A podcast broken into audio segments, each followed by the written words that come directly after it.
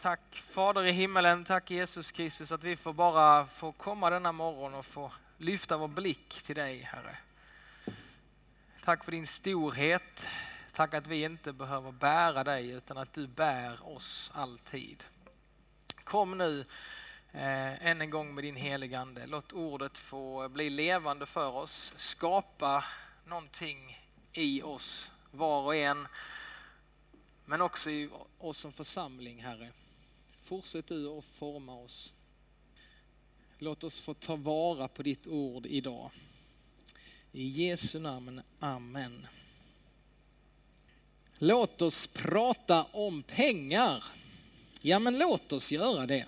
Vi gör det, tycker jag. Man brukar säga att eh, ett av tio Jesus ord i Matteus, Markus och Lukas evangelium Matteus, Markus, Lukas, de är lik, mer lika varandra. Vart tionde alltså ämne som Jesus pratar om handlar om pengar, förvaltarskap och ekonomi. Så det är väldigt tydligt när man läser eh, eh, vad Jesus säger och vad han vill så är han klart angelägen om att adressera frågor som rör vårt förhållande till våra ägodelar och pengar. Ja, det finns väl någon tävling vad som är det liksom mest återkommande ämnet i Jesu undervisning. Men pengar är ett av dem. Jag tror att det är liksom Guds rike sen och hans återkomst. Det, det, kan ligga på ett, första platsen. Men efter det så kommer ekonomi. Att han talar just om förvaltarskap, hur vi ska se på våra pengar, våra ägodelar. Och det är ett viktigt tema i hela Bibeln. Och ett tema som eh, ja, jag tycker att vi inte riktigt tar på tillräckligt stort allvar. För det är inte så ofta som vi pratar om detta, precis som Simon sa. Men detta visar ju också att Bibeln, det är, liksom en, det är en praktisk bok det här. Eh, det handlar inte liksom bara om eh, andliga saker uppe i det blå. Det handlar inte bara om liksom ditt inre liv, utan det handlar om hela vårt liv, hela ditt liv. Inte bara söndagarna, utan varje dag. Bibelns undervisning och att följa Jesus liksom, som hans lärjunge, det involverar liksom varje val som du och jag gör varje dag. Alltså det handlar om hur du och jag väljer att organisera våra liv. Och Gud är inte bara intresserad av ditt andliga liv, utan han är intresserad av hela ditt liv. Punkt. Det finns en kristen författare och aktivist från USA som heter Jim Wallis. Och en gång så tog han en bibel och så klippte han ut alla ställen i bibeln på en riktig bibel. Han klippte ut alla ställen som handlar om hur vi behandlar de fattiga i både gamla och nya testamentet. Och så höll han upp den bibeln liksom och visade hur stora hål som det blev i Bibeln, när alla ställen om hur vi ska vara generösa mot fattiga var borta. Och ignorerar vi det temat liksom i Bibeln, ja men då får vi en, en ihålig Bibel helt enkelt. Så hur du handskas med din ekonomi är viktigt för Gud eftersom din relation med Gud handlar om hela ditt liv. Alla dina relationer och hur du hanterar dina pengar och ägodelar, inte minst. Så Jesus han talar mycket om pengar. Och, men innan vi går in på och läser det, vad Jesus säger, så vill jag bara liksom lägga en grund för den här predikan. Eh, och som jag tänker liksom, eh, när jag möter bibelord och möter ställen liksom som kanske är utmanande och lite besvärliga, det är att jag har en, hel, en övertygelse om att Jesus är min och din befriare. Alltså han är alltid din och min befriare. Alltså han är vår frälsare. Han har räddat oss från döden, eh, från synden. Han har gett oss det eviga livet. Han är vårt föredöme och jag tror att följa Jesus det leder alltid till befrielse. Alltså det är det han vill göra i ditt liv. Han vill befria dig, sätta dig och mig fri. Och han vet ju hur lätt vi kan fastna i ha-begär, att ständigt vilja ha mer. Han vet hur lätt vi kan fästa oss på ett fel sätt vid det vi äger. Det som vi skulle äga och förvalta kan så lätt börja liksom äga oss istället. Och Jesus han är, inte, han är inte den som vill ta ifrån dig din glädje, din njutning, din tillfredsställelse. Nej, Jesus vill fördjupa din glädje och din tillfredsställelse genom att befria dig från dina ägodelar och ge dig liksom ett rätt perspektiv på vad, vad vi äger.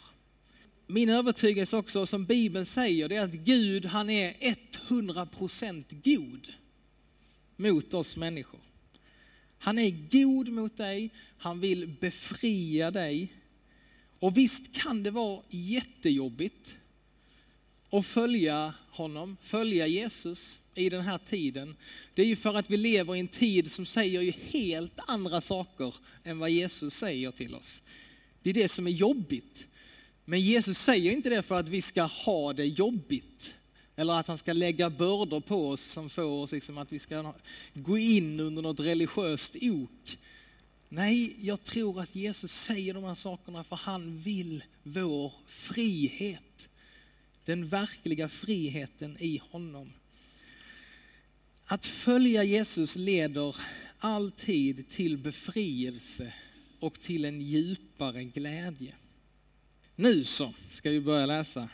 Eh, så det blir mycket bibelord idag. Eh, vi ska läsa om vad Jesus säger och vad Paulus och vad det står i Bibeln om det här med ekonomi och givande. Eh, och vi börjar i Matteus 6. Där säger Jesus så här. Var noga med att inte utföra era fromma gärningar i människors åsyn för att de ska lägga märke till er. Annars har ni ingen lön att vänta hos er fader i himlen. När du ger allmosor, låt inte stöta i basun för dig som hycklarna gör i synagogorna och på gatorna för att människorna ska prisa dem. Sannerligen, de har redan fått ut sin lön. Nej, när du ger allmosor, låt då inte vänstra handen veta vad den högra gör. Ge din allmosa i det fördolda, då ska din fader som ser i det fördolda belöna dig. Jag tänker på Swish direkt, alltså. det är perfekt. Man kan liksom bara med ena handen. Men Jesus säger det här i ett sammanhang i bergspredikan där han undervisar sina lärjungar och oss.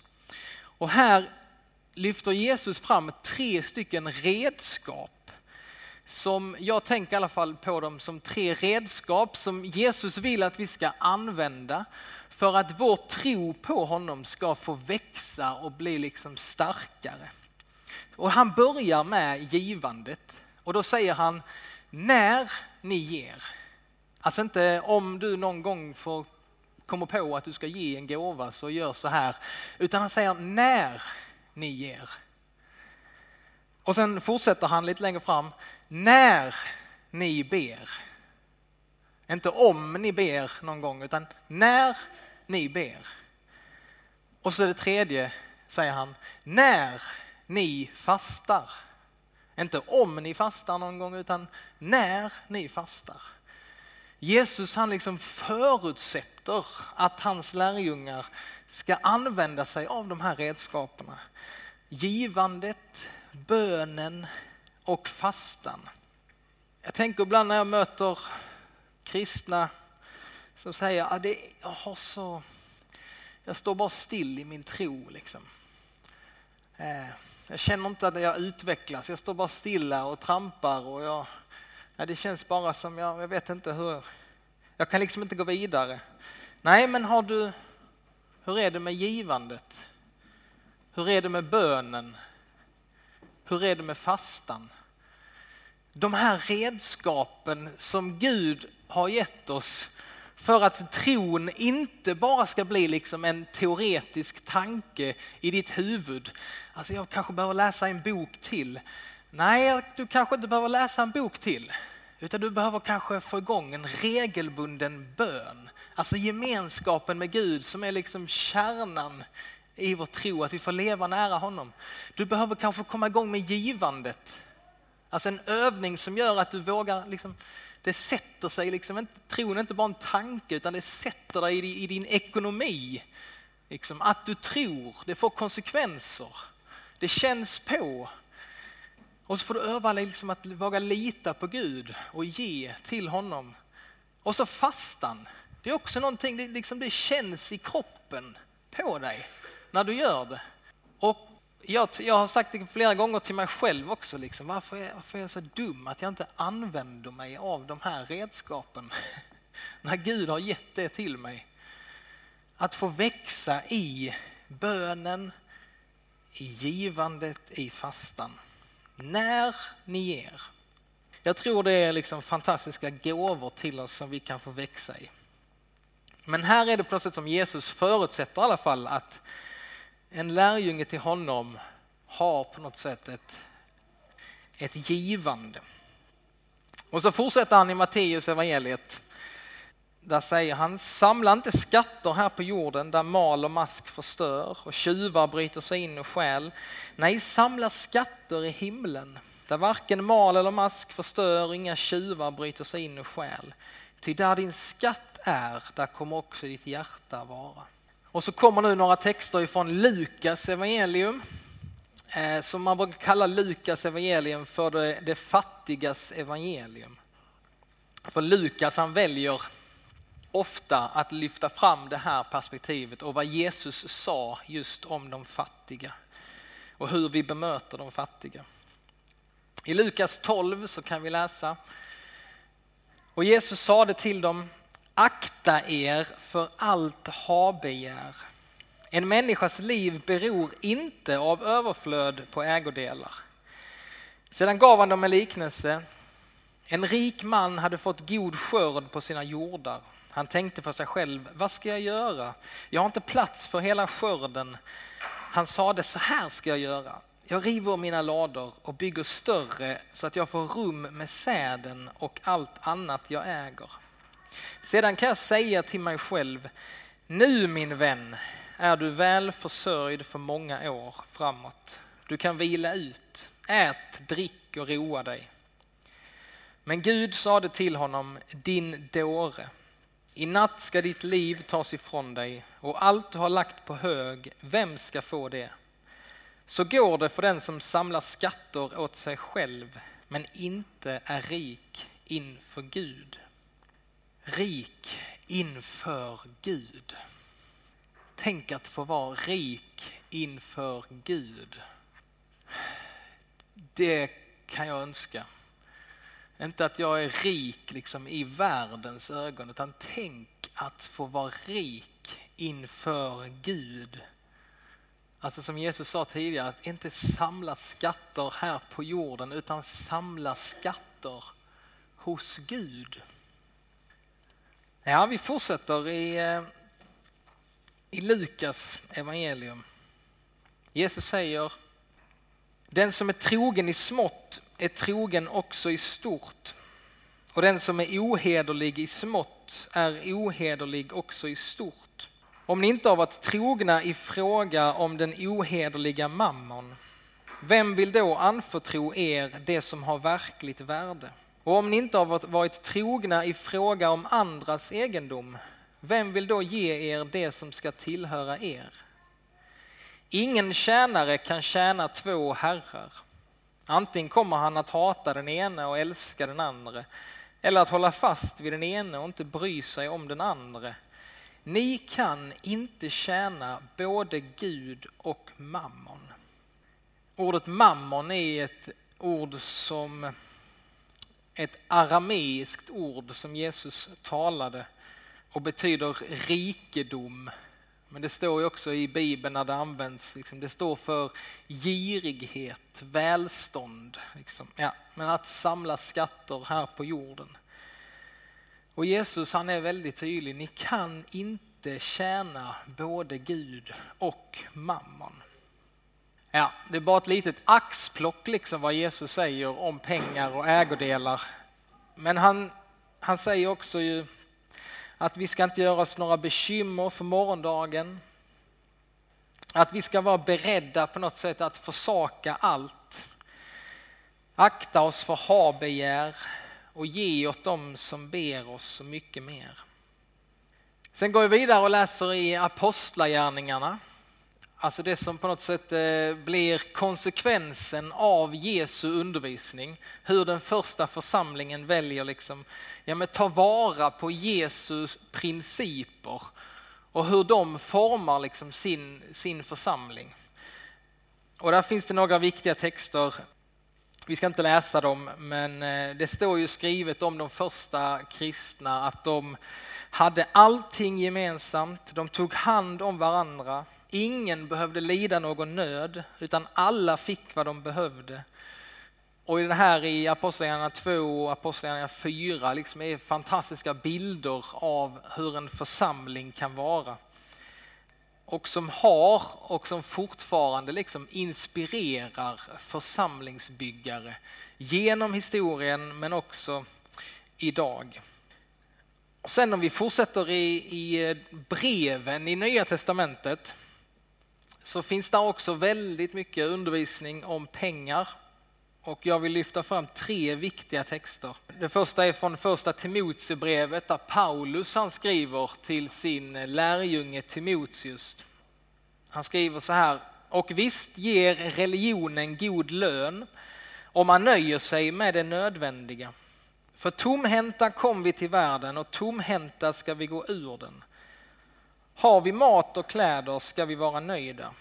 Den som vill bli ri, det som vill bli rika låter sig snärjas av frestelsen och faller offer för alla de dåraktiga och skadliga begär som störtar människorna i fördärv och undergång.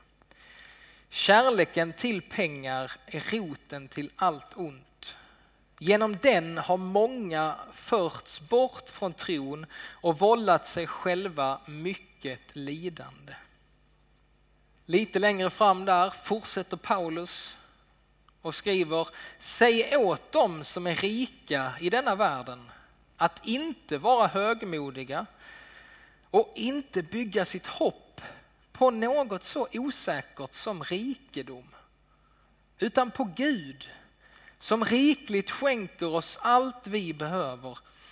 Säg åt dem att göra gott, att skaffa sig en rikedom av goda gärningar, att vara frikostiga och dela med sig. Så kan de samla en skatt som en god grund för den kommande tiden och vinna det verkliga livet. Jag tror inte bara det handlar om det, liksom, det eviga livet utan att, att vinna det verkliga livet här och nu. Att leva ett frikostigt liv. Jesus han är den som har kommit för att vi ska ha liv och liv i överflöd. Och så sista ifrån eh, breven. Det står i Hebreerbrevet 13. Lev inte för pengar. Nöj er med vad ni har. Gud själv har sagt, jag ska aldrig svika dig, aldrig överge dig. Och därför kan vi tryggt säga, Herren är min hjälpare. Jag ska aldrig frukta. Vad kan en människa göra mig? Ja, breven handlar väldigt mycket om ekonomi och hur vi förhåller oss till detta och Paulus framför allt han skriver om detta på flera ställen och han upprepar ju på något sätt det som Jesus hade sagt att vi ska akta oss för girighet och kärlek till pengar. Att vi ska vara nöjda med det nödvändiga och att vi ska göra gott och dela med oss och inte ha vår trygghet i rikedomar utan i Gud. Och han skriver också om att den som ger generöst blir, liksom får en välsignelse tillbaka. Och det verkar liksom finnas en speciell välsignelse där att få om du lever ett generöst liv. Och det är det som Jesus vill att vi ska liksom få, få smak på. Bara lite kort så kan vi se att i gamla testamentet så är det samma principer som vi kan läsa om. I Ordspråksboken ska vi läsa några korta ord. Där står det i kapitel 3. Ära Herren med allt du äger och med det första av din skörd. Då ska dina lador fyllas av säd och presskaren flöda över av vin. I det elfte kapitlet en givmild människa får rikt igen. Alltså den här välsignelsen som finns i att leva ett generöst liv.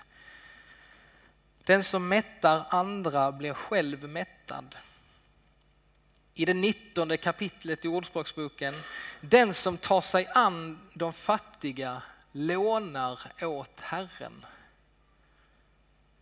Visst är det ett härligt uttryck alltså?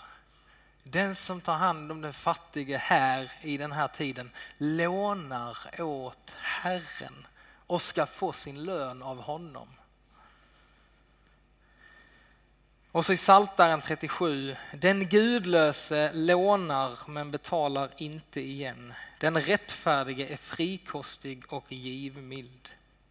Yes, där fick ni lite bibelord om pengar och ekonomi sådär nedtryckt i era, ja, tank, era hjärnor så här en söndag morgon. Vi, vi förberedde er lite, skick, alltså vi sa att vi skulle handla om detta. Men ja. Jag förstår att det är kanske lite chockartat nu. Va? Men, och detta är vad Bibeln säger, men nu på något sätt så ska vi ju avsluta här med vad landar det liksom hos oss? Här i den här församlingen men också i ditt liv. Och man kan se att Jesus varnar för girighet. Det är mellan 10 till 20 gånger. Det är i alla fall mer än någon annan synd. Alltså Jesus varnar för girighet mer än någon annan synd. Och om det är så va, att både Paulus och Jesus varnar om denna synd i så stor utsträckning. Alltså det är ingen synd att vara rik eller att äga mycket. Det är inte det vi pratar om. Utan det handlar ju om, och det är det Jesus och Paulus säger, det handlar om ditt och mitt hjärta. Va? Vad det gör med dig och mig. Hur det formar oss vad det gör med vårt hjärta. För det är svårt att se på någon att han eller hon är girig eller har ett osunt habegär. Ni kan väl titta runt här lite om ni ser någon. Nej, jag tycker det är svårt. Kanske, nej. Alltså detta är en, det är en synd. Det är tydligt i Bibeln. Det är en, det är en synd här. Här är liksom, en synd är att man missar målet med sitt liv. Att vara girig, det är att missa målet. Vad var det hon skrev? Åsa Molin skrev i Dagen att den som är girig är ju... Ja, den, den fattige saknar mycket, men den girige saknar allt. Skrev hon. Det tyckte jag var bra. Och att Jesus vill inte att vi ska vara giriga för då förlorar vi så mycket av livet här och nu. Va? Det är en synd, det är svårt att se hos andra. Det finns liksom ingen svartvit gräns. Går du över den så är du girig. Liksom. Nu vet jag vad jag är. Det är svårt att se hos andra och det är en synd som det är svårt att se det hos sig själv. Är jag girig? Hur, hur vet jag det? Men kanske ska vår utgångspunkt vara för alla av oss här, kanske i synnerhet oss som lever i Sverige idag med ett överflöd av pengar och ägodelar. Du kanske inte känner igen dig i det, men om alla världens invånare levde som vi svenskar gör så skulle vi behöva cirka fyra jordklot istället för det enda som vi har. så kanske ska vår utgångspunkt vara att detta stämmer nog in på mig. Jag tror det ska vara vår utgångspunkt. Detta stämmer nog in på mig. Jag är för girig. Jag har ett för stort habegär. Jag behöver rätta till mina perspektiv. Jag behöver omvända mig på det här området. Troligen, jag säger inte att det är det, va? men troligen är det sant för dig. Troligen, ja jag vet, jag vet att det är sant för mig. Och Jesus och Paulus de säger var uppmärksamma. Var inte naiva i fråga om pengar och ägodelar. Var inte liksom, låt inte bara rulla på utan att du tänker på det. Utan var uppmärksamma. Flera av oss tror jag behöver vakna till liksom, även på detta området av våra liv. Och vi är olika människor och vi, vi är ju också på olika platser när det gäller den här frågan om givande. Vissa av er är ju redan igång, va? ni har varit igång länge och ni har ett genomtänkt eh, och medvetet givande. Och vissa av oss har inte riktigt kommit igång. Vi står liksom i starten fortfarande och vill känna kanske att vi skulle behöva upptäcka lite av det här med givande. Den här biten. Och kanske är det så att något har talat till dig idag och du känner att du kanske vill ta liksom nästa steg när det gäller ditt givande. Ja, då är ju ditt steg, alltså ditt steg nu, om du ska ta ett steg, det är ju inte alls samma steg som jag ska ta.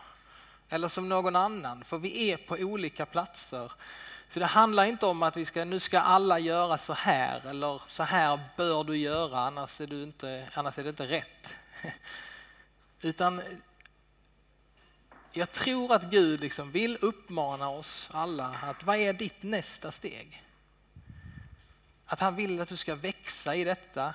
Att vi kan inte ta det som liksom en käftsmäll eller en tung börda utan istället få vara lite nyfikna och öppna. Ja, men jag kanske ska fundera på detta. Jag kanske kan få ta mitt, ett nästa steg i tro också med mina pengar och mitt givande. Hur kan jag växa i generositet? Vad manar Gud mig till? Kanske är det en fråga som du få ha med dig den närmsta tiden.